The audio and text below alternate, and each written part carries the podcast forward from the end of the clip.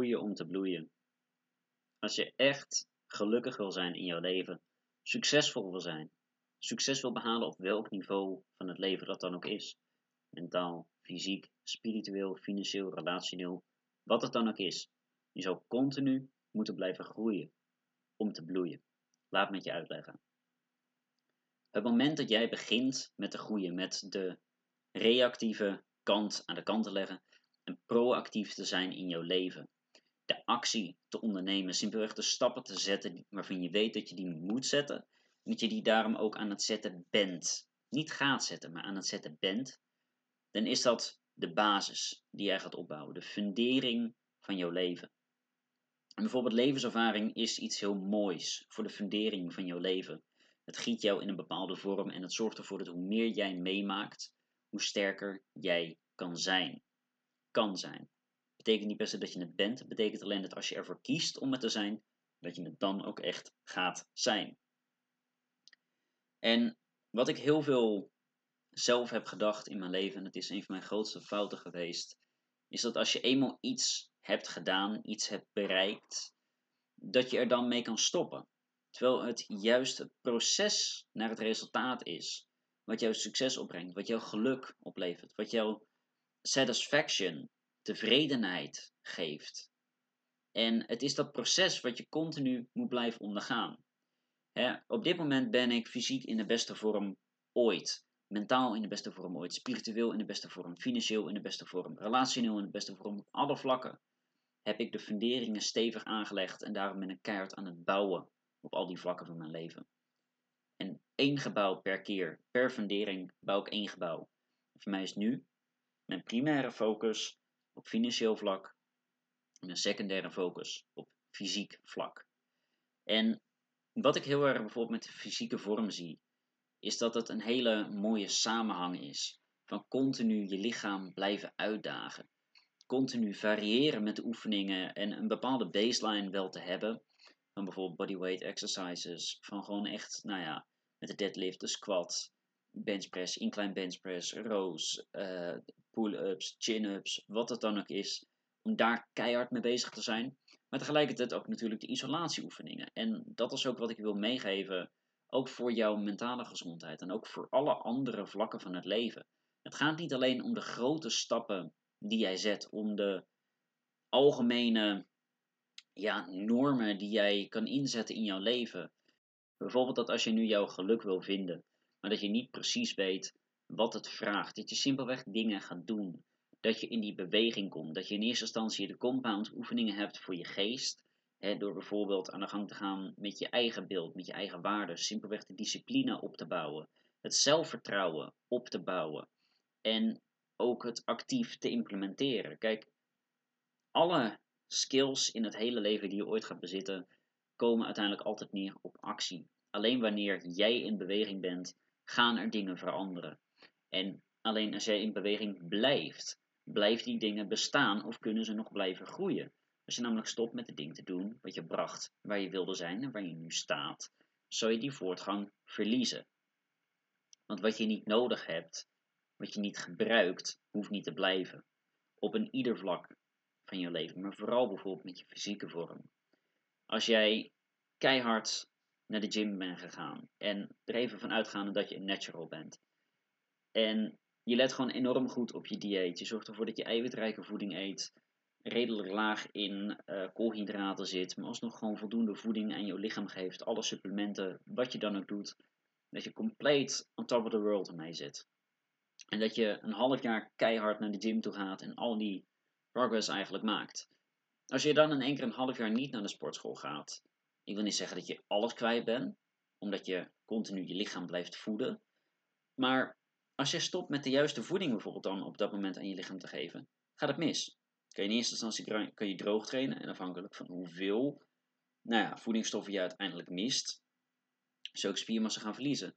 Als je in één keer niet gaat trainen, maar wel bijvoorbeeld heel gezond blijft eten, ga je wel wat spiermassa behouden, maar ga je dus nog heel veel verliezen. En zo werkt het ook op mentaal vlak.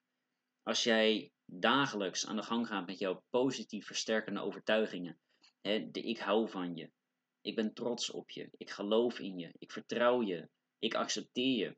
allemaal van dat soort zinnetjes die jij tegen jezelf in de spiegel kan zeggen. Recht in de ogen. En het ochtends vroeg als eerste en 's avonds laat als laatste tegen jezelf uitspreekt. Dan heb je na ongeveer een maand, anderhalf maand, heb je daar een prachtige voortgang in kunnen opbouwen. Heb je die overtuigingen kunnen aanpakken en kunnen implementeren in jouw leven. En daarmee zal je resultaten gaan zien. Dat je jouw kernwaarden, jouw overtuigingen aanpakt. Maar als je dan in één keer stopt met die dingen te doen en je leven is nog niet helemaal op orde, verwacht dan alsjeblieft ook niet dat die dingen blijven. alle positieve dingen in het leven gaan vroeg of laat een keer weg, tenzij jij ervoor blijft werken. Terwijl juist alle negativiteit aanwezig blijft, tenzij jij er hard voor werkt om dat te compenseren met het positieve in het leven. En ik heb het al vaker verteld, ik ben ontzettend depressief geweest. Ik had ontzettend veel angsten en wilde er een einde aan maken. En ik weet dat als ik nu stop met de dingen te doen in mijn leven, wat ik never nooit ga doen, laat dat even heel duidelijk zijn. Maar als ik nu weer terug zou gaan naar die leefstijl die ik had als 16, 17-jarige, eigenlijk zo weinig, zo reactief in het leven, continu onzin te consumeren op social media, zoveel te gamen, zoveel te Netflixen, zo weinig productiefs eigenlijk te doen. Weet ik dat ik weer depressief ga worden? Weet ik dat ik weer die angsten ga hebben? Weet ik dat ik weer suicidaal ga zijn? Dat is een logisch proces. Als jij als mens niet nuttig bent, voor jezelf al niet, en ook voor anderen niet, maar vooral voor jezelf niet, ja, weet je, dan ga je nadenken: waarom zou ik hier dan moeten zijn? En wat dat betreft is het heel belangrijk dat het werk wat je in jezelf stopt, dat je dat in jezelf blijft stoppen. Ik heb tientallen boeken gelezen afgelopen jaar. Ik wil er naartoe dat ik iedere week gewoon één boek lees. Punt. Gewoon op dat top CEO niveau. Ik probeer er keihard voor te werken dat ik iedere dag nu vijf uur ochtends mijn bed uitga. Dat ik lees, dat ik sport, dat ik gezond eet, dat ik ga hardlopen. Gewoon allemaal gezonde habits om mijn leven sterker op te bouwen. En dat zijn randzaken van mijn leven, maar het zijn wel die randzaken die de kern kunnen versterken de resultaten in mijn leven gaan versterken. En ik weet ook dat zelfs al doe ik ze nu een jaar, allemaal, en ik werk er keihard voor, als ik dan mee stop, dan kom ik niet verder. En op een gegeven moment, ook als ik dit wel allemaal blijf doen voor een jaar lang, met de hoeveelheden die ik het nu doe, kom ik ook niet veel verder. Het is gewoon continu een kwestie van, nou, zoals dat ze dat ook in de gymtermen noemen, progressive overload. En niet alleen op je lichaam, maar ook mentaal, spiritueel, relationeel, financieel, gewoon continu het actief blijven zijn in het uitdagen van jezelf en te groeien. En ook de lange termijn groei te verkiezen boven korte termijn plezier. Want dat, dat is een van de grootste dealmakers of dealbreakers in het leven. Kies jij voor de korte termijn of kies jij voor de lange termijn? En heel veel mensen zijn zo ontzettend gefocust alleen op die korte termijn. En die hebben ergens een lange termijn visie. En die vergeten daardoor om ook echt voor die lange termijn visie te werken. Omdat ze iets te veel in het moment zijn. En begrijp me niet verkeerd. Genieten in een moment is belangrijk. Als je niet kan genieten in dit moment, ga je ook niet genieten in een ander moment. Zo simpel is het. Maar het is wel belangrijk om altijd die visie te hebben voor je toekomst. Als je wat wil neerzetten. Als jij gelukkig wil zijn in je leven en als je weet dat je daar een lange reis voor moet maken, is het een kwestie van continu jezelf te blijven prikkelen, uitdagen, te blijven groeien. Om te bloeien, om ook daadwerkelijk iets positiefs bij te dragen aan jezelf. En nog mooier misschien wel, ook aan anderen weer wat te kunnen geven. Maar om aan anderen wat te kunnen geven, moet je eerst zelf leren te ontvangen. En tuurlijk, ik heb al een hoop van deze dingen eerder gezegd, ook in andere podcasts. En de enige reden ook dat ik het nu nog een keer naar voren haal, is omdat het zo ontzettend belangrijk is. Omdat je dat proces moet vertrouwen, omdat je simpelweg er keihard voor moet gaan, dat je niks moet aantrekken van andermans mening. Omdat je gewoon continu moet blijven werken, groeien, om te bloeien. En dat jij alles in principe kan bereiken in je leven wat je dan ook maar wil bereiken, zolang je maar groeit en blijft groeien. Want als jij ervoor kiest, als jij er vandaag voor kiest om te groeien als persoon, Dat in plaats van dat je een slechte dag tussen aanhalingstekens hebt, dat jij een karakterbouwdag hebt. Dat in plaats van een klote moment mee te maken, dat je ervoor kiest van hé, hey, ik laat deze emotie nu even zijn. Op mijn voorwaarden laat ik het er 100% zijn, zodat ik er op langere termijn minder last van heb. En ik heb zojuist ook een gesprek gehad met een coachie van mij. Die heeft vandaag een enorme rotdag gehad.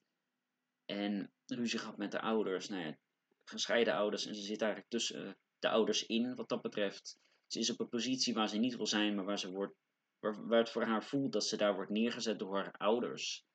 En ik zag het bij haar ook terugkomen van die korte termijn visie om nu die pijn eigenlijk op een bepaald niveau te hebben, maar eigenlijk zoveel mogelijk die pijn te vermijden. Om die emoties te ontwijken. Hè? En de meest logische stap voor ons om te maken vanuit nature, als iets pijn doet, is het te ontwijken, wat anders te gaan doen, afleiding te zoeken. En tot een zekere hoogte adviseer ik dat ook aan mensen. Alleen als je echt in die negativiteit zit, dan moet je daar doorheen. Dan moet je niet op een 7 of een 8 zitten qua emotionele pijn. Dan moet je hem even er doorheen slaan, om het zo te zeggen. Moet je even ervoor kiezen om die 10 aan die emotionele pijn te hebben. Zodat, die, zodat dat korte moment dan wel misschien zwaarder is. Maar dat je op de langere termijn wel meer positieve resultaten ervan gaat ervaren. Dus de volgende keer dat jij zoiets hebt van: hé, hey, ik ben nu heel erg goed bezig om te groeien in mijn leven om de langetermijnvisie te verkiezen boven de korte termijn satisfaction.